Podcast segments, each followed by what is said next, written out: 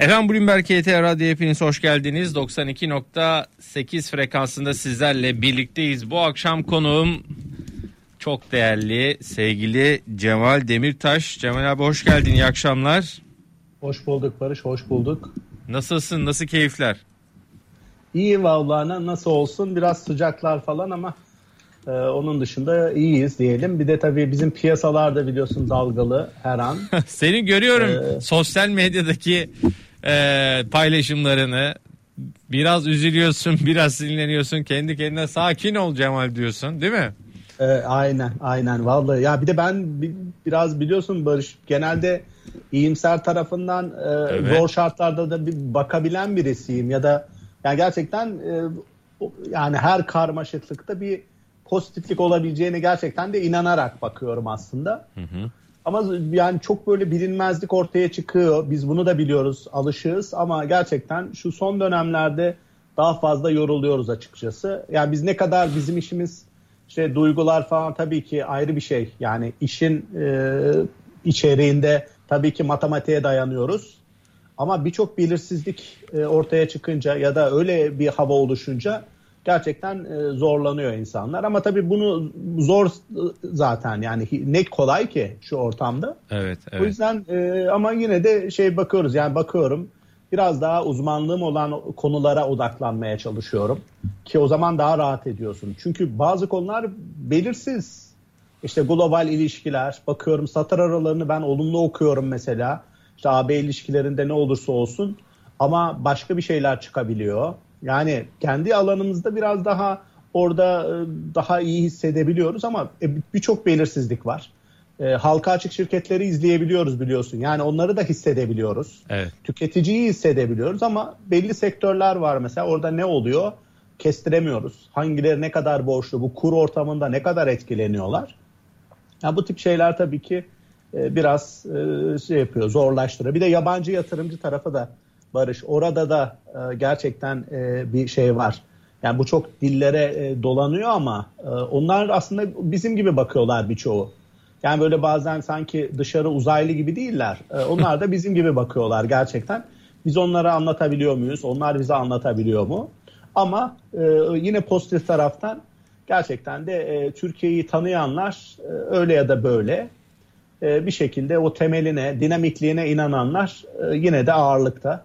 Ama sadece biraz şey yapmak istemiyorlar genel anlamda böyle bir evet. e, kurlardan falan mesela çok ürküyorlar. Yani Türk şirketi biz biliyoruz Cemal diyorlar ama kurlardan hiçbir zaman rahat edemiyoruz şeklinde. O yüzden oradan terse düştükleri için zaman ciddi zarar oluşabiliyor. Orada da öyle bir hava var. Bakalım. Konuşacağız. Hepsini bir kez daha hoş geldin. Ee, hoş Cemal Demirtaş. Bizi YouTube'dan izleyen e, sevgili izleyicilerimize selamlarımızı, sevgilerimizi iletiyoruz. Yine Twitter'dan bizleri takip eden e, değerli izleyicilerimize de selamlar, sevgiler, sorularınızı, mesajlarınızı bizlere iletebilirsiniz. Canlı yayınımızın telefon numarası da var. Ee, şu an bizi yolda dinleyenler de vardır. Onlara da kolaylıklar diliyoruz İstanbul trafiğinde. Ee, telefon numaramız %60 bu arada İstanbul trafiğinde yoğunluk var şu dakikalarda. 0 212 255 59 20'deyiz. 0 212 255 59 20 borsaya dair tüm sorularınızı sevgili Cemal Demirtaş'a iletebilirsiniz. Ee, Cemal Demirtaş borsa konusundaki sorularınızı yanıtlamak üzere efendim e, bu akşam bizlerle Barış'ın sesine konuk oldu. Ata Yatırım Araştırma Genel Müdür Yardımcısı. Şimdi e, bugün mesela bugünü bir konuşalım hocam. Bugün bir ara yüzde birin üzerine çıktık satışlarda. Sonra bir toparlanma oldu. Ee, yani ufak bir kayıpla kapattık. Gün içerisinde bir dönüş oldu. Ee, bugün hani ne oldu? Niye bu kadar satışıyoruz? Ee, ve tabii sonra bir de ufak toparlanma var. Onu da merak ediyorum. İstersen onunla e, başlamış olalım. Buyurun. Tabii aslında e, Barış bir süredir bir e, şeyde piyasada üzerinde bir baskı var. Bu tam Mart ayına kadar dayanıyor aslında biliyorsun. O işte Merkez Bankası değişikliği konuları. Ondan sonraki günleri de hatırlarsın birkaç gün bayağı bir e, böyle kilitlenme aşamasına gelmişti neredeyse alım satımlar. E ondan sonra aslında toparlanma sürecine girdik bir süre. ki e, aslında kötü şey iyi şeyler de oluyor. Yani AB ilişkileri vesaire konusunda işte daha e, tansiyonun düşürülmesi vesaire gibi konular. Ondan sonra bir miktar toparlanır gibi olduk.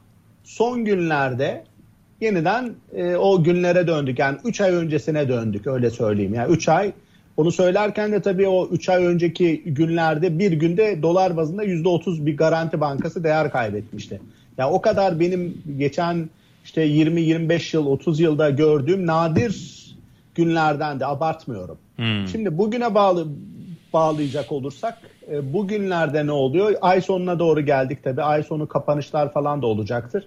Ama burada biraz haber eksikliği var. Ee, onun dışında mesela ben AB ilişkilerinden, AB toplantılarından pozitif bir gündem bekliyordum açıkçası. Evet. Çünkü orada gerçekten de son 6 ayda hatta e, Mart raporunda Aralık raporuna göre Mart raporunda daha iyi bir dillendirme vardı. Mart'a göre de Haziran'da. Ama tabii aralarında da eleştiriler de var. Özellikle e, bazı konularda işte e, yani hukuk konularında vesaire konularda böyle eleştiriler var.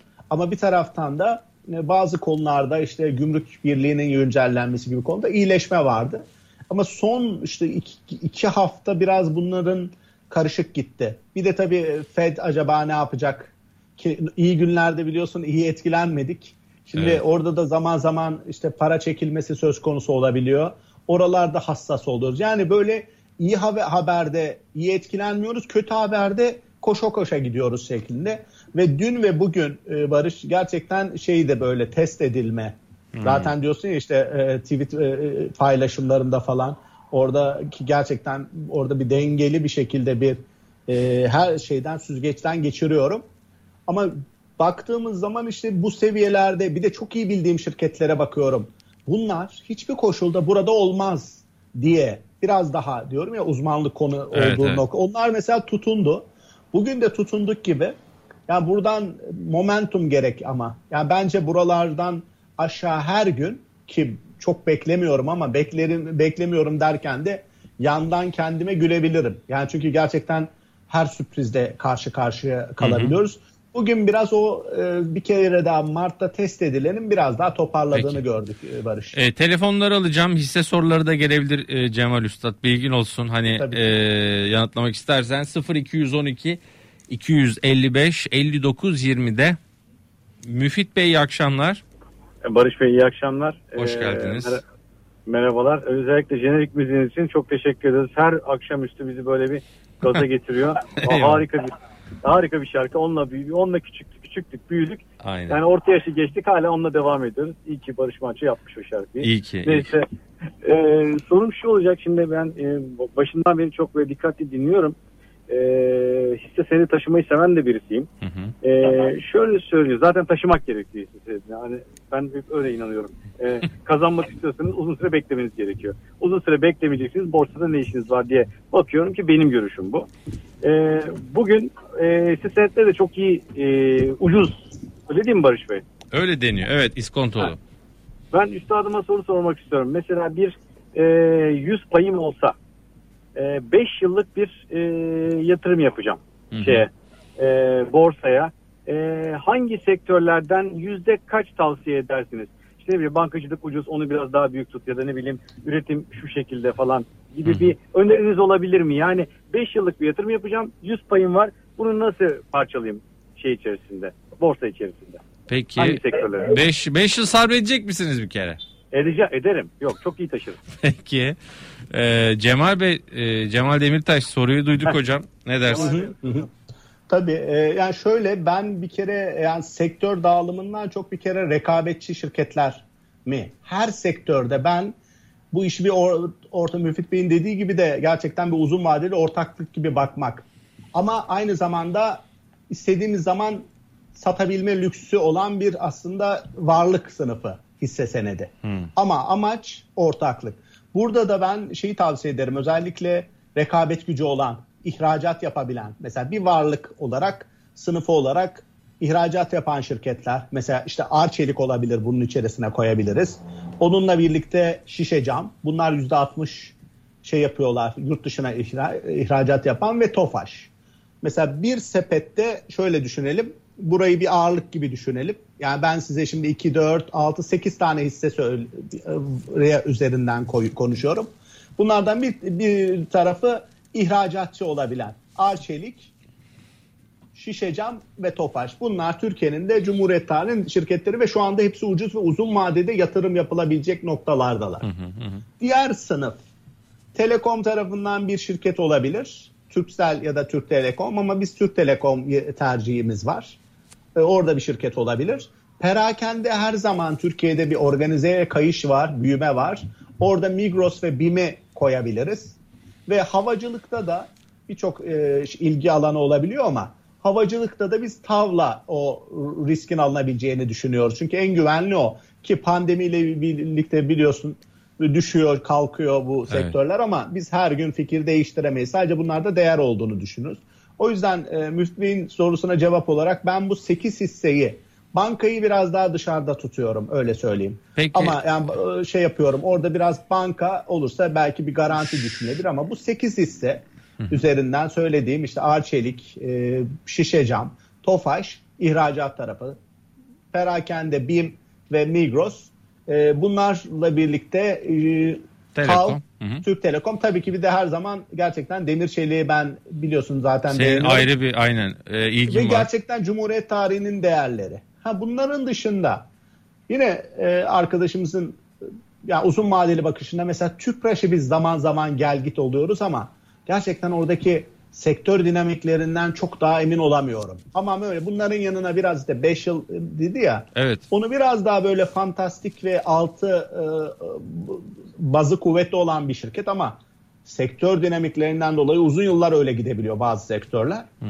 Bunların arasına bir de tüpraşı belki ekleyebilirim. Yani biraz koyun bir miktar. O da neden? Çok ucuz hale geldi. Örnek vereyim. 8 milyardan halka şey e, özelleşti e, tüpraş. Tüpraş. Ereğli 6 milyardan. Şu anda Ereğli 8 milyar neredeyse. E, Tüpraş işi 2.8 milyar, 3 milyarın altında. Yani bu resmen e, bu sanki bundan sonra işte petrol falan taşımacılık yapılmayacak gibi fiyatlamalar. Hmm. O yüzden bu şekilde bir cevap versem Peki. makul olur diye düşünüyorum. 100 birimin kaç birimi diğer telefona gideceğim bu arada. 100 birimin kaç birimi borsada olur şu an Cemal Demirtaş'ta?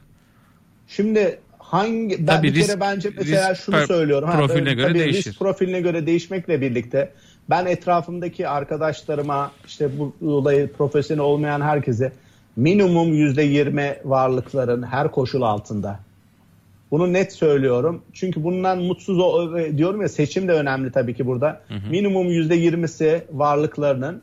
Çünkü bu her ortak gibi baktığınız zaman zaten uzun vadede gerçekten çok daha fazla kazandırıyor. Çünkü kendi işinizi yapar gibisiniz. Minimum yüzde e, yirmi düşünürüm.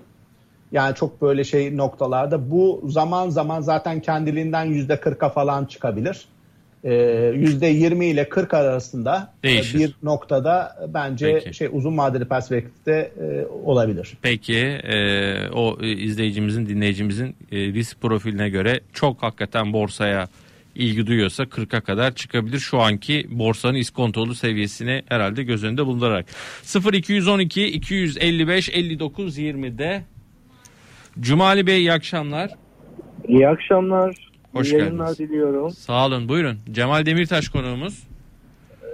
Ee, Cemal e, Bey size de iyi akşamlar. Umarım iyi akşamlar. Iyisinizdir. Sağ olun ee, teşekkürler. Benim, yani şu anda konuşmalarınız çok olumlu ama e, ben yaklaşık olarak bir buçuk senedir borsadayım. Yani yeni yatırımcı sayılırım. Pandemi döneminde girdim ben bu borsaya. E, fakat hiç istediğimi alamadım. Hiçbir verim göremedim. Kazançlarım oldu ve şu anda çok terste kalıp da e, birçok zararlarım var. E, sabır edip bekliyoruz. Fakat hiç e, umut e, vari bir durum göremiyorum ben ülkede ülke çapında da olsa borsada da olsa ben bunu göremiyorum. Yani bunun artık stop noktası neresi? Nereden çıkacak? Ee, nereden toparlayacağız biz e, kendimizi? Merak konusu oldu bizim için. E, sizin öngörünüz nedir bu e, durumda? Bir diğer konum da iki tane hissem var. Bu iki tane hisse e, girdiğimden beridir hep zarar yazıyor. Ee, biri ittifak, biri TRGO. Sorunlar gayrimenkul. Yani bu, bunları ne yapmamız gerekiyor yani? Çünkü Diğerini anlayamadım. Diğeri ilk hangisiydi? ittifak, İttifak Holding galiba. Evet. evet. Diğeri de Diğeri de torunlar. sorunlar gayrimenkul. Evet. Hı hı. Hı hı. Ee, bunlar Evet. hakkındaki yorumlarınızı rica ediyorum. Tabii. Ya ben öncelikle şunu söylüyorum. Gerçekten e, yeni girdiğiniz için tabii tam 2020'nin başında bir heyecanla başladık ki onun öncekisi iki yıl zor gül yıllardı. Bir harekete başladık. Ondan sonra pandemiyle birlikte sert bir düşüş yaşadık. O sürede bayağı bir can çekişti piyasa. Sonradan yeniden toparladık aslında Kasım'dan sonra ve aslında siz muhtemelen de Mart ayına kadar da mutlu olmaya başlamıştınız. Tabii ki hisse spesifik konuşmuyorum. Genel trend bu şekilde oldu. Yani e, iyi başlandı yıla sonra pandemiyle birlikte sert bir düşüş oldu. Ondan sonra çok hızlı toparlandı. İşte Kasım'da e, değişikliklerle birlikte ekonomi yönetiminde hızlı bir yükselişle Heh, toparlandı dedik. Hatta geçen iki yılın e, bir şekilde ters durumu da aldı dedik. Sonra yeniden Mart'tan sonra hem pandemi istediği gibi e, istenilen gibi gelmedi hem de genel koşullardan itibariyle, itibariyle şey yaptık aşağı geldik. Şimdi siz burada gerçekten de e, negatif dönemi yaşadınız. Ama şu, iyi tarafı şunu söyleyeyim size. 6-7 yıldır ki bir dip hareketinin siz sonundaki travmatik dönemi e, şey yaptınız. O yüzden kesinlikle bence sakin kalmanızda fayda var. İleride bu size e, çok daha artı dönecek. Ben buna inanıyorum. Ha, hisse seçimi burada önemli olacak. Şey olacak. e, burada sadece şunu e, hızlı kazanç ve bilmediğiniz hisselere yatırım yapmayın. En azından danışabileceğiniz birileri varsa ona göre hareket edin derim. Biraz önce saydığım hisse isimlerinde. Ama mesela ittifak bilmiyorum gerçekten. Radarımda olan bir şirket değil. Hı hı. E, GEO'ların hepsi iskontolu. Torunlar GEO'da iyi bir şirket. Dediğim gibi neden aldığınızı hep kendi kafanızda sindirin lütfen. Yani onun üzerine baz oturtun. Ondan sonra rahat olursunuz. Mesela bizim işte biz Arçelik diyelim beğeni, beğeniyoruz değil mi? Biz bunu sonuna kadar takip ediyoruz ve hesap veriyoruz. Böyle iyi kötü yönetiliyor. Yani bir şekilde burada bilgilenin. Size hesap verecek birileri olsun. Ama bazen böyle hisseyi alayım işte ikiye katlasın gibi beklentilerle e, çıkılıyor. O da hayal kırıklığı oluyor ama e, e, ben şunu kesinlikle size söyleyebilirim. Buradan sadece bir temel bakmaya çalışın, bir ortak gibi bakmaya çalışın. Önümüzdeki dönemde e, bu hisse senedinin faydalarını göreceksiniz. Ben hep onu söylüyorum. E, hisse senedi olan yaşlandığı zaman da Alzheimer olmaz. Biz kültür olarak biraz da gerideyiz e, yatırım kültürü ama ben bu BES sistemi de biraz faydalı. Yani bu kültür gelişmesi için tabii ki altının da bir ekonomisinin de iyileşmesi lazım. Ama onu söyleyebilirim genel anlamda. Sizin hisselerden dediğim gibi GEO'lar genel olarak ekonominin durumunu yansıtır. Onlar %60-70 iskonda ama ittifak konusunda hiçbir şey söyleyemem. Yani olumlu bir şey de söyleyemem açıkçası. Peki e, 0212 255 59 20 Necmettin Bey iyi akşamlar. İyi akşamlar Barış Bey, iyi akşamlar Cemal Bey. Hoş bulduk. Hoş geldiniz. Buyurun. Ben bir şey sormak istiyorum. Ee, Pekkim 7-13 olduğunda e, Cem diye soyadını hatırlamıyorum. Ee, ben Pekkim'in %10 hissesine sahip oldum. 2012 milyon lotta alarak dedi ve o günden e, bugüne bugün bir tepki verdi. Her gün hisse düştü. Hı hı. Bu e, hissenin %10'unu aldığını nasıl beyan edebiliyor? Ve o günden bugüne satış yedi. E, eğer hissesini satmışsa bunu bildirmek sorumluluğu var mı? Bunu sormak istiyordum. Yani böyle bir şey var, yanlış bir şey yapıyor mu? E, bu takip edilebiliyor mu? Bunu öğrenmek istiyordum. Evet teşekkür ederiz e, Hı hı. sorunuz için. Cemal Bey buyurun. E şöyle e, %5'in üzerine çıktığınız zaman e, açıklamak durumundasınız. Ve aslında satarken de açıklama yapmak durumundasınız. Ama oradan ne çıkar diye düşündüğümde genelde yani şirketin işte neden alınmış olabileceği ya da neden satılmış olacağı o hisselerin önemli. Burada benim geçmiş tecrübelerimden eğer alındıysa mesela satma potansiyeli taşıdığı zamanlar e, öyle bir baskı olabiliyor. Ya da o dönemle hisseyle ilgili beklentilerin kötüleştiği dönem rastlayabiliyor. Örnek vereyim. Petkin bir ara çok iyi gitti. Ama son dönemde biraz marjların daralmaya başladığını görüyoruz. Marjlar daralmaya başladığı zaman da hisselerde bir değer kaybı oluşuyor. O yüzden e, ben e, burada şey olarak söyleyebilirim. Yani bir, iki şey birbiriyle kesişiyor olabilir. Ama sorularına cevap olarak 5 %5'in üzerine çıktığı zaman bir açıklama yapmak zorundalar. Aynı şekilde tersi yani o seviyenin üzerindeyken e, ters yönde yaptığı hareketleri de açıklamak durumundalar. Yani e, diyelim e, yani diyelim ki yüzde ondan yüzde beşin altına düştü Petkim'deki sahipliği bunu bildirmek zorunda mı? Tam tersi dediğin evet. gibi. Bildirmek evet, zorunda. Evet, evet. Yani yüzde beşin üzerine çıktıktan sonra evet. zaten açıklamak durumundasın. Tamam. Ta tersi. Ondan sonra e, da açıklamak durumundasın. Anladım. Peki bunu da e, bilgi olarak almış olduk. E, bir telefonu da alalım. Sonra ufak bir araya gideceğim. 0212 255 59 20'de. Emin Bey iyi akşamlar. Barış Bey iyi akşamlar. Cemal Hoş. Bey iyi akşamlar. Nasılsınız? Sağ olun efendim. Siz iyi nasılsınız? Akşamlar. Cemal Bey'i de radyoya konuk ettik. Pek gelmiyor kendisi ama sağ olsun. Ee, bu akşam çok, kırmadı bizi. çok mutlu oldum. Çok da doğru bir zamanda konuk etmişsiniz. Morale ihtiyacımız olan bir dönemde en moral verecek kişi. evet, evet, evet. Buyurun. ya ben e, şunu danışmak istiyorum. E, Cemal Bey'in e, konusuyla da alakalı olduğu için. Ben 2001 yılından beri borsa sevdalısıyım. Hı hı e, hiçbir zamanda dışarıda olmamaya çalıştım. Şimdi de öyle. E, fakat beni son zamanlarda çok huzursuz eden bir durum var. Bu da bir, bir yıldır diyeyim. Bu bizim 10 yıllık tahvil faizimiz çok yüksek. Bugün itibariyle 16.50. Şimdi bunun hem faiz getirisi hem de olası bir faizlerin çok uzak gelecekte dahi olsa düşmesinden kaynaklanacak tahvilin iç değerinin artması sonrası sermaye kazancı biraz beni huzursuz ediyor. Acaba diyorum hani borsada ısrar ederek borsa sevdalısı olduğum için bu alternatif kazancı kaçırıyor muyum diye çok rahatsız oluyorum. Bu konuda ne düşünürsünüz Cemal Bey ya? Çok güzel soru. Özellikle sizden rica ettim bunu. Çünkü siz olumlusunuz. Ben olumlu bir kişiden cevap almak istiyorum. Teşekkürler. Çok nitelikli bir soru. Buyurun Üstad. Şöyle gerçekten de faizler yükseldiği zaman şöyle bakılıyor genelde işte %16 %20 faiz varsa hisse senedinde de bir yatırımcı hisse senedinde yatırım yapması için %40 kazanacak beklentisi olmalı. Şimdi yüksek faizler gerçekten de ekstra bir piyasa üzerinde baskı yaratıyor. Çünkü faizler o yüksek olduğu zaman ekonomi yavaşlayacak ve hisse senetleri de negatif etkilenecek beklentisi hakim. Çok da doğru bir e, bence bir çıkarım oluyor. E, fakat bizim genel olarak büyüme potansiyeli olan bir ülke olduğumuzu düşündüğümüz zaman burada şuna bakmak gerek diye düşünüyorum. Bu faiz ortamında biz hisse senetlerinde ne kadar faiz gö- şey koruyor, görüyoruz, yukarı potansiyel görüyoruz. Ben şu anda biraz önce saydığım şirketlere bakıyorum.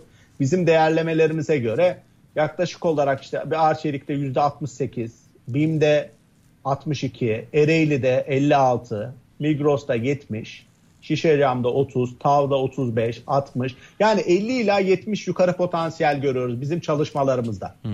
O yüzden evet şu geçmiş kısa dönemlere, bir yıllık dönemlere baktığınız zaman gerçekten insan tüh diyebiliyor. Çok haklı olarak.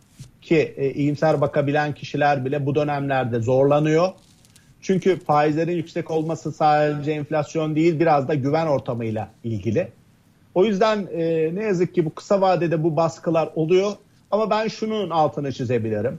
Böyle dönemler gerçekten zor. Ülke riskinin arttığı dönemlerde çünkü hiçbir şeyden emin olamıyorsunuz. Vergiler arttırılabiliyor. İşte şirketlerin kurumlar vergisi vesaire artırabiliyor ama ben biraz uzmanlık alanım içerisindeki şirketlere baktığım zaman bunlara sahip olmak faiz kazancının üzerinde bir getiri sağlayacaktır. Beklentisi daha ağır basıyor bende. Peki. O nedenle böyle dönemler, sıkıntılı dönemler her zaman biraz nakit cephane mi diyelim bırakılmasında fayda var.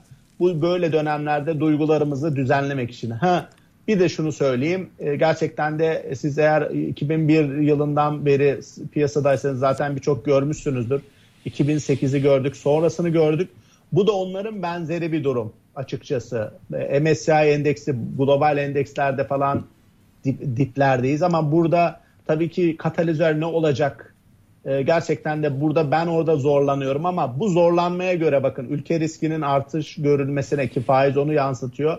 Yine de bakıyorum ki bu ülkede siz biz varken ve bu şirketler varken bunlar da risklere göre yönetildiğini de gördüğüm için söylüyorum. Seçici olmak kaydıyla e, bu ortamda dahi seçici alımlar yapılabilir diye gerçekten ciddi bir artı inancım var ki e, genel anlamda zorlanmakta olmama rağmen evet. iyimser konuşmakta. Peki ufak bir araya gideceğim. E, Cemal Demirtaş olan sohbetimiz devam edecek. Canlı yayınımıza sorularınızı iletmeye devam edebilirsiniz. 0212 255 59 20'deyiz. 0212 255 59 20 kısa bir ara ardından buradayız efendim. Efendim devam ediyoruz. Bloomberg KT radyodayız 92.8 frekansında bir borsacı yıllarını borsaya veren adeta yanlış söyleme borsayla yatıp kalkan bir isim değil mi hocam? Öyle denebilir. Cemal Demirtaş kaç sene oldu üstad? Yaklaşık 30. Şaka yapıyorsun. 94 sonrası biraz Amerika'da. E, araya tabii bir askerlik girdi. Hı-hı. 16 ay e, yedek subay olarak biraz e, uzun sürdü. E, ondan sonra da hep sektördeydim yani bir 94'ü Amerika'da yaşadım krizini. E, hatırlarım 1 dolardan 4 dolara çıkmıştı hı hı. E, TL. E, ondan sonra 2001'i yaşadık. 2008 hatırda kalan. E, onlar herhalde en dramatikleriydi. Ee, şimdiki de yetişkin döneminin sıkıntılı dönemleri diyeyim. Her Peki. dönemde bir yaşta atlattık ya. Biraz şimdi onlar kadar değil tabii Allah'tan. Ama böyle e, yetişkin dönemin sıkıntılı dönemlerini yaşıyoruz diyebilirim. Peki e, 0212 255 59 20 İlker Bey iyi akşamlar. İyi akşamlar, iyi yayınlar Barış Bey. Sağ olun, hoş geldiniz. Buyurun. Ee, hoş bulduk, teşekkürler. Cemal Bey'e de selamlarımı iletiyorum. Ee, çok yakından sosyal medyadan Cemal Bey kurumunu, Murat Bey'i keyifle takip ediyoruz, faydalanıyoruz da özellikle. Ee, yayında görünce de aramak istedim. Tabii şimdi 30 yıl deyince bir 10 yıldır falan ben de borsada işlem yapan biriyim. Sanki başından geçmeyen şey kalmamış gibi hissediyorum ama 30 yılda nasıl olur bilmiyorum tabii ki. Gerçekten ciddi bir tecrübe. Ee, benim iki tane sorum var aslında Cemal Bey'e. Ee, kabul ederse, uygun görürse cevaplarsa sevinirim. Hı hı. Ee, birincisi e, bu halka arzlardan sonra birçok hissede e, ciddi düşüşler oldu. İşte ne bileyim e, arzlardaki fiyatlarının yarı fiyatlarına düştü. Hani ben de Galata Wins tarafında e, bir hisse almıştım.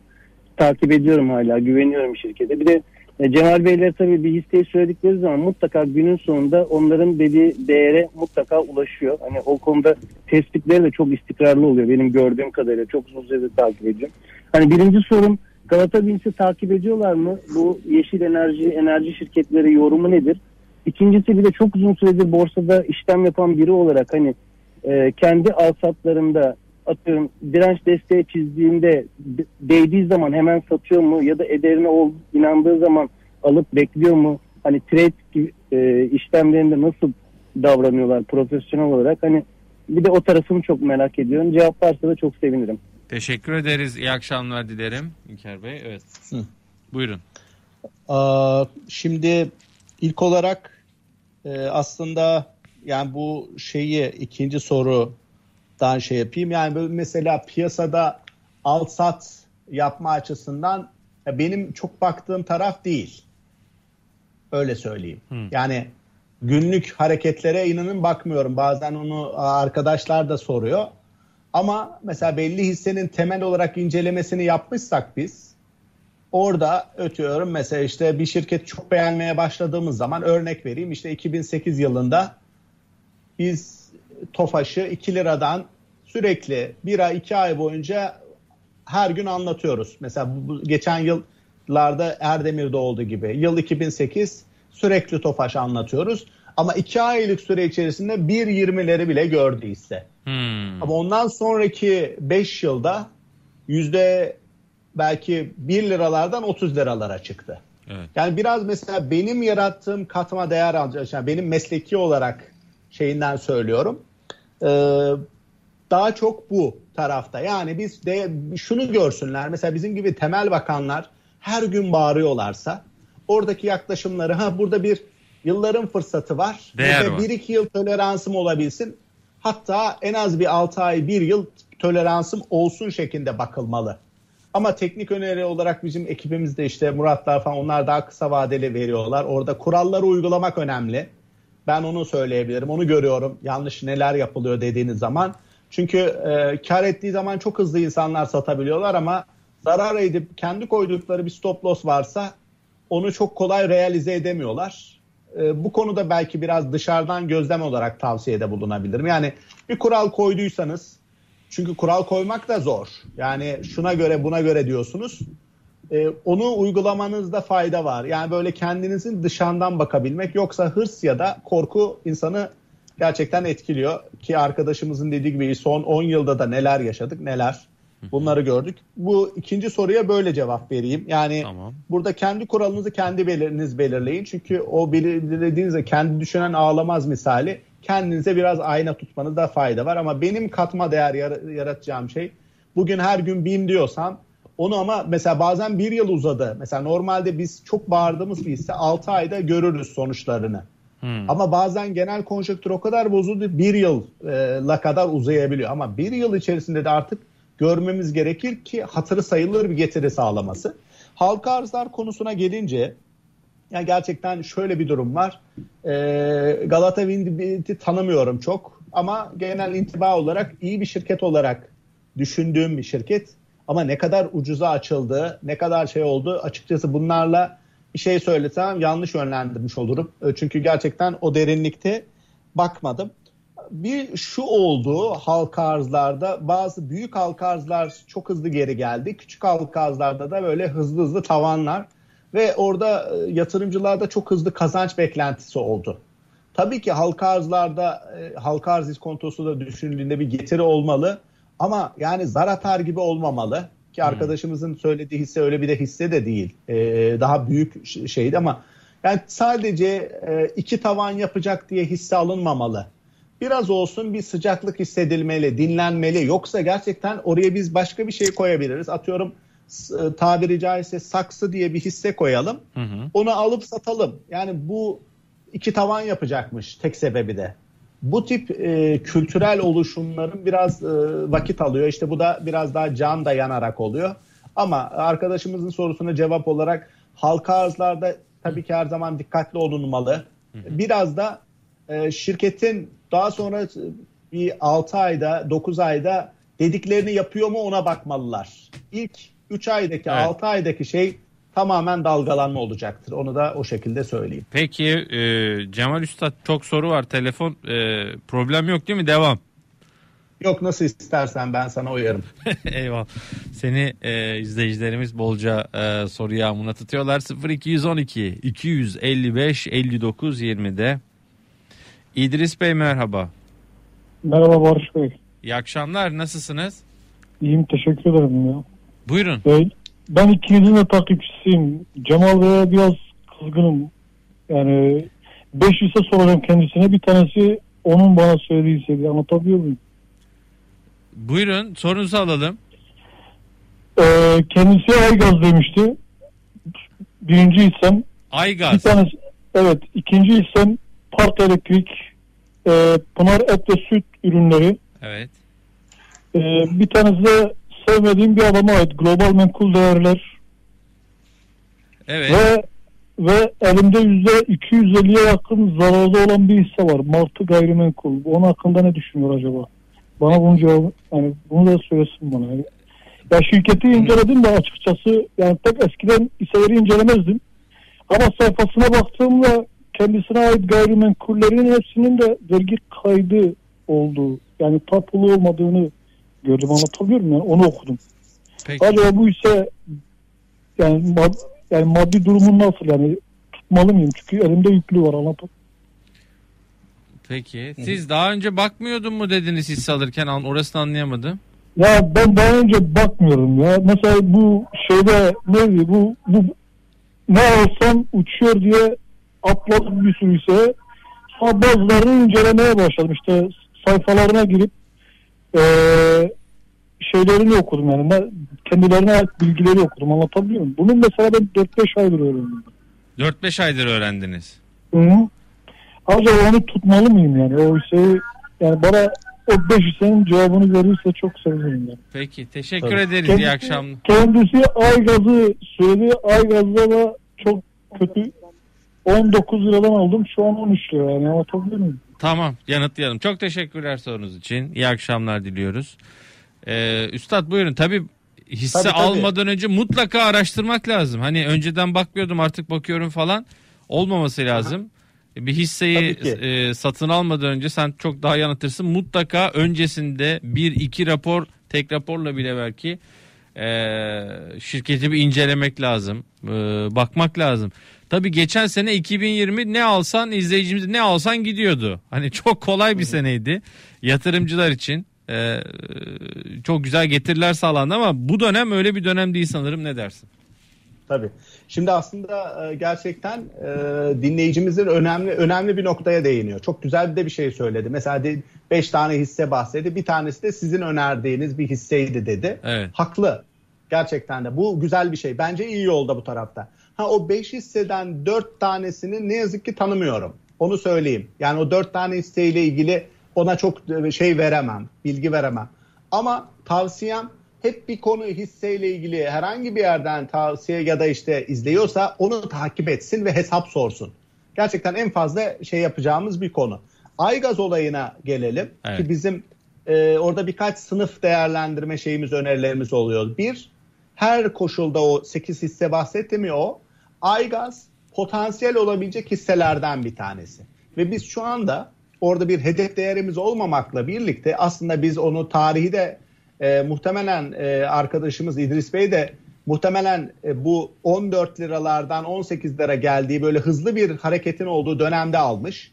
Biraz böyle e, o dalganın sonuna yakalanmış ama sorun değil öyle bakmamalı zaten. Hı hı. Yani 450 milyon dolarken işte 700 milyon dolara çıktığı noktada şey yapmış ki bu şirket normalde e, 450 milyon dolarlık olan şirket 1.2 milyar dolar falan ederi olabilecek projeleri olan bir şirket.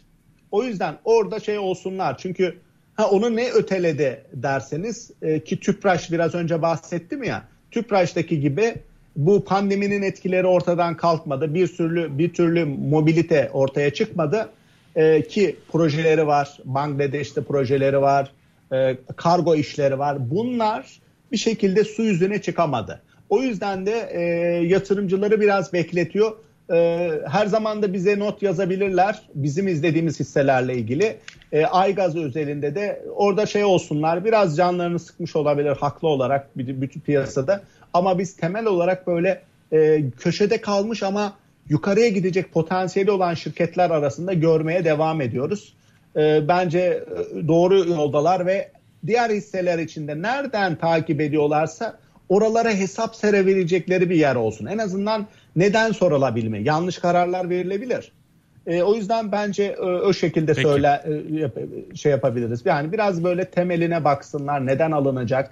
Bir de dediğim gibi hesap verilebilir olması. Bir telefon daha alacağım. Tuncay Bey iyi akşamlar. İyi akşamlar. Hoş geldiniz. Nasılsınız? Evet. Teşekkürler sizleri sormak lazım. Sağ olun efendim. Evet. Cemal Demirtaş konuğumuz. Ee, Biliyorum. Ee, buyurun. Evet. Cemal Bey'e iki sorum olacak. Birincisi e, mevduatların coin'e coin piyasasına kayması acaba e, bizim borsamızı e, etkiledi mi? Etkilemiş midir? Eğer etkilemişse ne kadar etkilemiştir? Bunu merak ediyorum. Güzel soru. Ee, siz siz kaydınız mı? Hı. Efendim? Siz siz kaydınız mı sizde? Ee, yok hayır hayır hayır. Ee, e, ben e, şimdi hisselerle ilgili yatırımlarımda sıkıntı çek herkes gibi ben de tabii ki e, sıkıntı çekiyorum. E, orada da almış olduğum bir karar var. Onun doğru olup olmadığı konusunda e, tabii ki yatırım tavsiyesi babında değil ama e, evet hayır diye de cevaplayabilir. E, Karsan hisselerimi e, çıkmak istiyorum. E, fakat şu anda e, değerinin altında olan başka bir hisseye yönelmek istiyorum.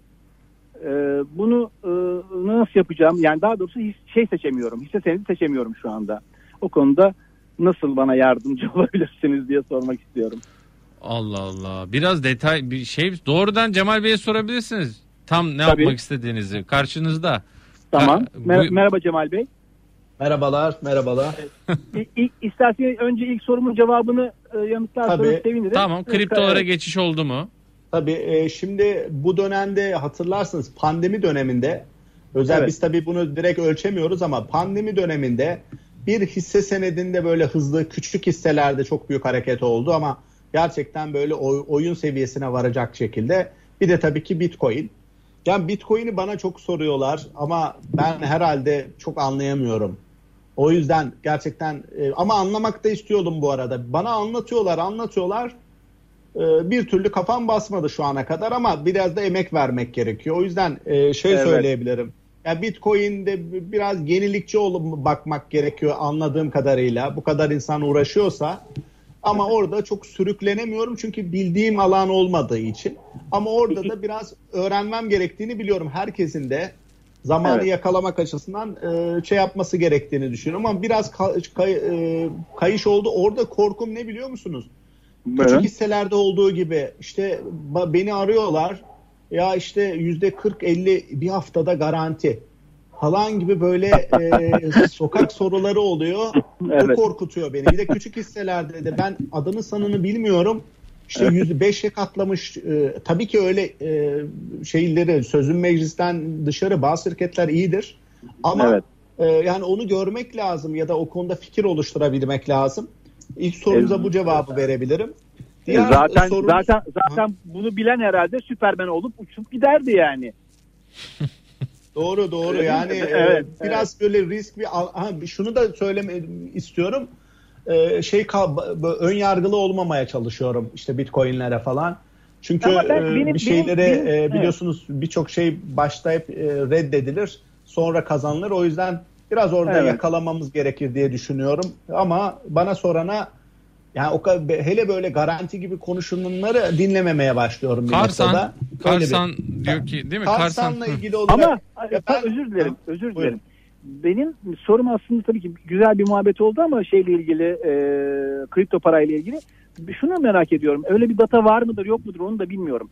Yani kime sorsam 3 e, kuruş 5 kuruş biriktiren gitmiş coin almış. Acayip bir şekilde böyle çoluk çocuk tosun torba herkes e, az da olsa gitmiş e, coin almış. Şimdi e, yani dolayısıyla da TL birazcık kripto paraya kaymış. Acaba ne kadar kaymış bu? Yani sadece benim çevremde mi böyle yoksa çok ciddi bir şey mi var acaba? Hani küçük küçük ama genelde toplamı çok büyük bir e, kayış mı var kriptoya?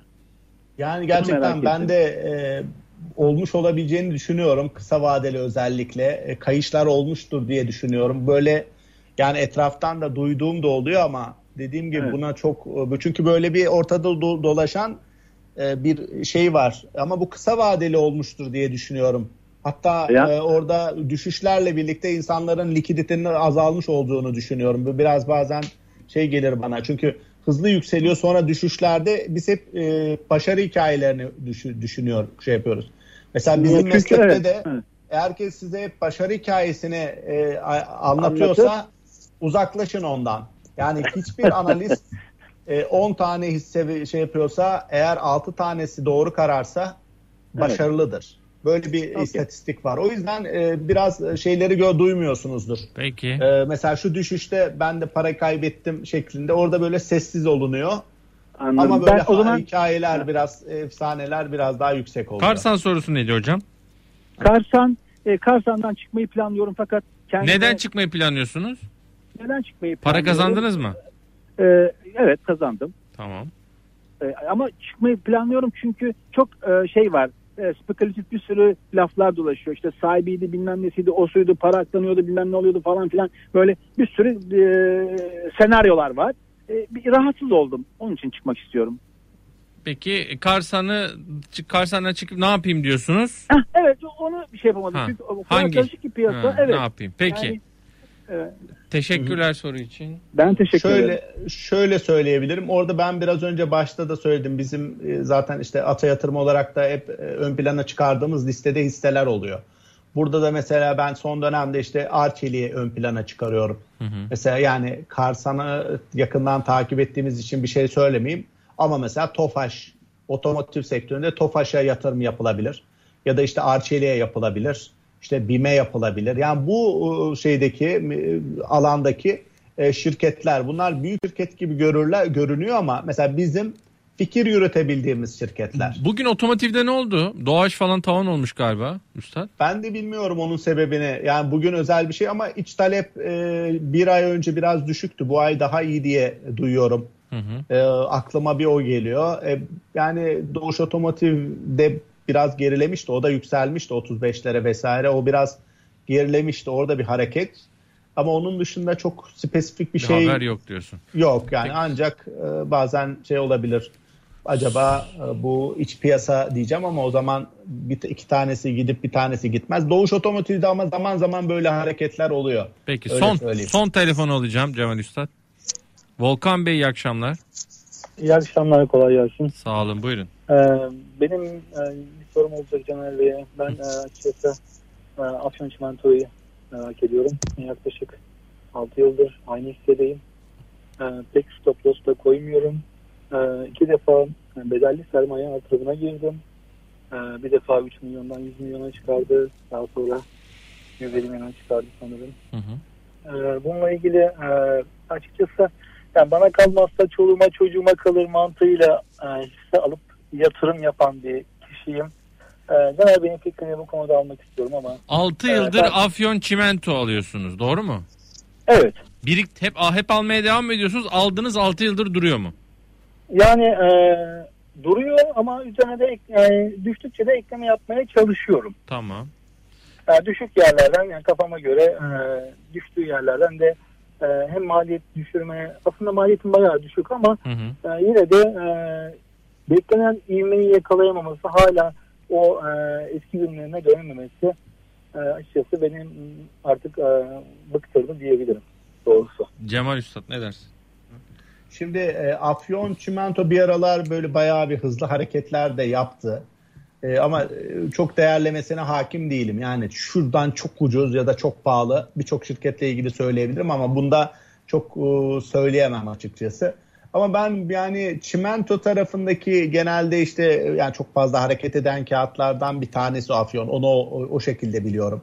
E, altında e, yani diğerlerine göre e, ne noktada diğer çimento şirketlerinde çok hareketli olmuyor. Ya çimento şirketleri biraz sektörle ilintili ama Afyon gibi şirketlerde eğer çok hızlı hareketlere alışmışsa yatırımcı onu arayabiliyor.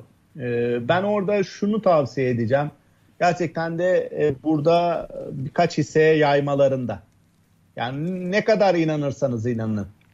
Yani gidip mesela hiç o muadili mesela işte Erdemir değildir de Kardemir gibi hissedir Afyon'u. Ya Afyon e, çimentoyu midesi e, kaldıran diyeyim yani onda dalgalarına ya da o şeyleri açıklayan kişi işte daha küçük e, olan hisselerde de benzer inşaat riskini alabilir. Yani çimento şirketi değil mi?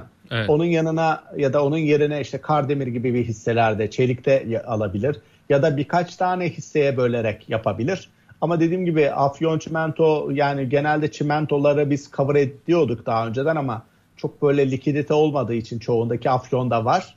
Ee, biraz böyle e, şeyde uzakta kaldığımız e, şirketlerden ama ben yine de birkaç hisseye dağıtmalarını tavsiye ederim. Peki. Yani tek hissede kalmaktansa. Son olarak e, havacılığı soralım. %10'luk bir geri çekilme oldu bir haftada. E, hava yolu endeksimizde de. Aslında tavı e, beğendiğinizi ifade ettiniz hocam. Ama hani genel bir e, şöyle havacılık değerlendirmesi bu delta varyantının e, baskısını hissediyoruz. E, onunla tamamlayalım buyurun. Tabii şimdi havacılık tarafında biz bir kere tavı te- tercih ediyoruz. Neden? Çünkü ondaki o da mevcut dalgalanmalara göre daha dirençli ve e, işler açılırsa sağlıklı şekilde büyüyebilecek bir şirket. Öte yandan ta, e, e, Türk Hava Yolları ve Pegasus ikisi de havacılıkta önemli şirketler ama risk faktörü TAV'a göre daha yüksek ve bir taraftan da zaten hisseler çok iyi performans gösterdi son dönemde. Yani bir havacılık sektörü e, sıkıntıda e, temasından ziyade hep pandemi sonra iyileşme olarak çok Fiyatlandı. geride kalmadılar ki bizim değerlememizi mesela biz TAV'da %30 yukarı potansiyel görürken Türk Hava Yolları ve Pegasus değerlemelerimizde çok yukarı potansiyel yok. Yani şu yukarı hareketlerde bile çok fazla risklere göre fiyatların yükseldiğini görüyoruz. Son günlerdeki hareket tabii ki bu pandemi beklentileriyle birlikte bu dalgalanmalar olacak. Yani bunu hiç kimse hesaplayamıyor. O yüzden zaten birlikte hareket ediyorlar. Ama mesela bu birkaç gün daha bu korkular olduğunu düşünün. Ee, diğer hava yolları aşağı giderken tav daha dirençli olur. Ama bizim ana senaryomuz yavaş yavaş pandeminin etkileri azalacak. Bu süreçte de bugünlerde yaşadığımız gibi dalgalar yaşıyoruz. Yaşayacağız da e, burada daha rahat e, ama makul getiri sağlamak için işte böyle %30-35 civarında yukarı potansiyel olan tavı tercih ediyoruz. Peki. Ee, Ülker çok sorulmuş ama bilmiyorum e, güme gitti diye izleyicimiz biraz şey yapıyor. E, sistem ediyor. Ülker, Ülker'le tamamlayalım. Işte. Ülker'le ilgili var mı Üstad yorum? Şöyle e, yani Ülker e, bizi daha önceki yıllarda biraz böyle zaman zaman hayal kırıklığı oldu. Şirketin bilanço yapısıyla vesaire. Ama şu anda sanki yani ve aslında şirket e, büyümeye devam etti. Karlılık devam etti. Hatta temettüye bile başladı ama biraz orada böyle bir kırgınlık oldu yatırımcı tarafında. Ama şu anda görüyorum hala o seviyelerde. Yani Ülker'i normalde tercih eder miyim? Şu anda baktığım zaman ya aşağısını sınırlı görüyorum. Öyle söyleyeyim. Yani daha önce bazı e, şeylere hoşuma gitmeyen şeyleri olmuştu ama şu anda mesela bu bile gösterge. Mesela bu şirket e, böyle bakkal hesabı gibi olmasın ama mesela 21 TL bizim hedefimiz 29 TL. Hı hı. Yani tut tavsiyemiz olan, al tavsiyemiz olan bir şirket değil. Bunu şöyle söyleyeceğim. Tamam bazı şeylerini sevmediğimiz şeyler olmuştur. E, bakış açımız olarak falan ama şu anda Ülker bile biraz daha sabırlı olması gerekecek yatırımcıların. Ben onun yerine işte giderim BİM alırım örnek. Ama Ülker e, bile çok ucuz şu anda. Peki. 20-21 TL'lerde diye ben bu şekilde söyleyebilirim. Cemal Demirtaş çok teşekkürler abicim. Ağzına sağlık. Ben teşekkür ederim. Ee, güzel bir sohbetti. Ee, sonuna geliyoruz. Bloomberg ETR Radyo'da Barış'ın Sesi'nin. Yarın akşam yine beraber olacağız. Akşam 9'da ekonomik görünüm var. Ee, Profesör Doktor Burak Arzova ve Erhan Aslan olacak. 22'de küresel piyasalar Özlem Bayraktar Gökşen ve Özlem Derici Şengül bizlerle. Cemal Bey bir kez daha teşekkür edip Allah'a ısmarladık diyoruz.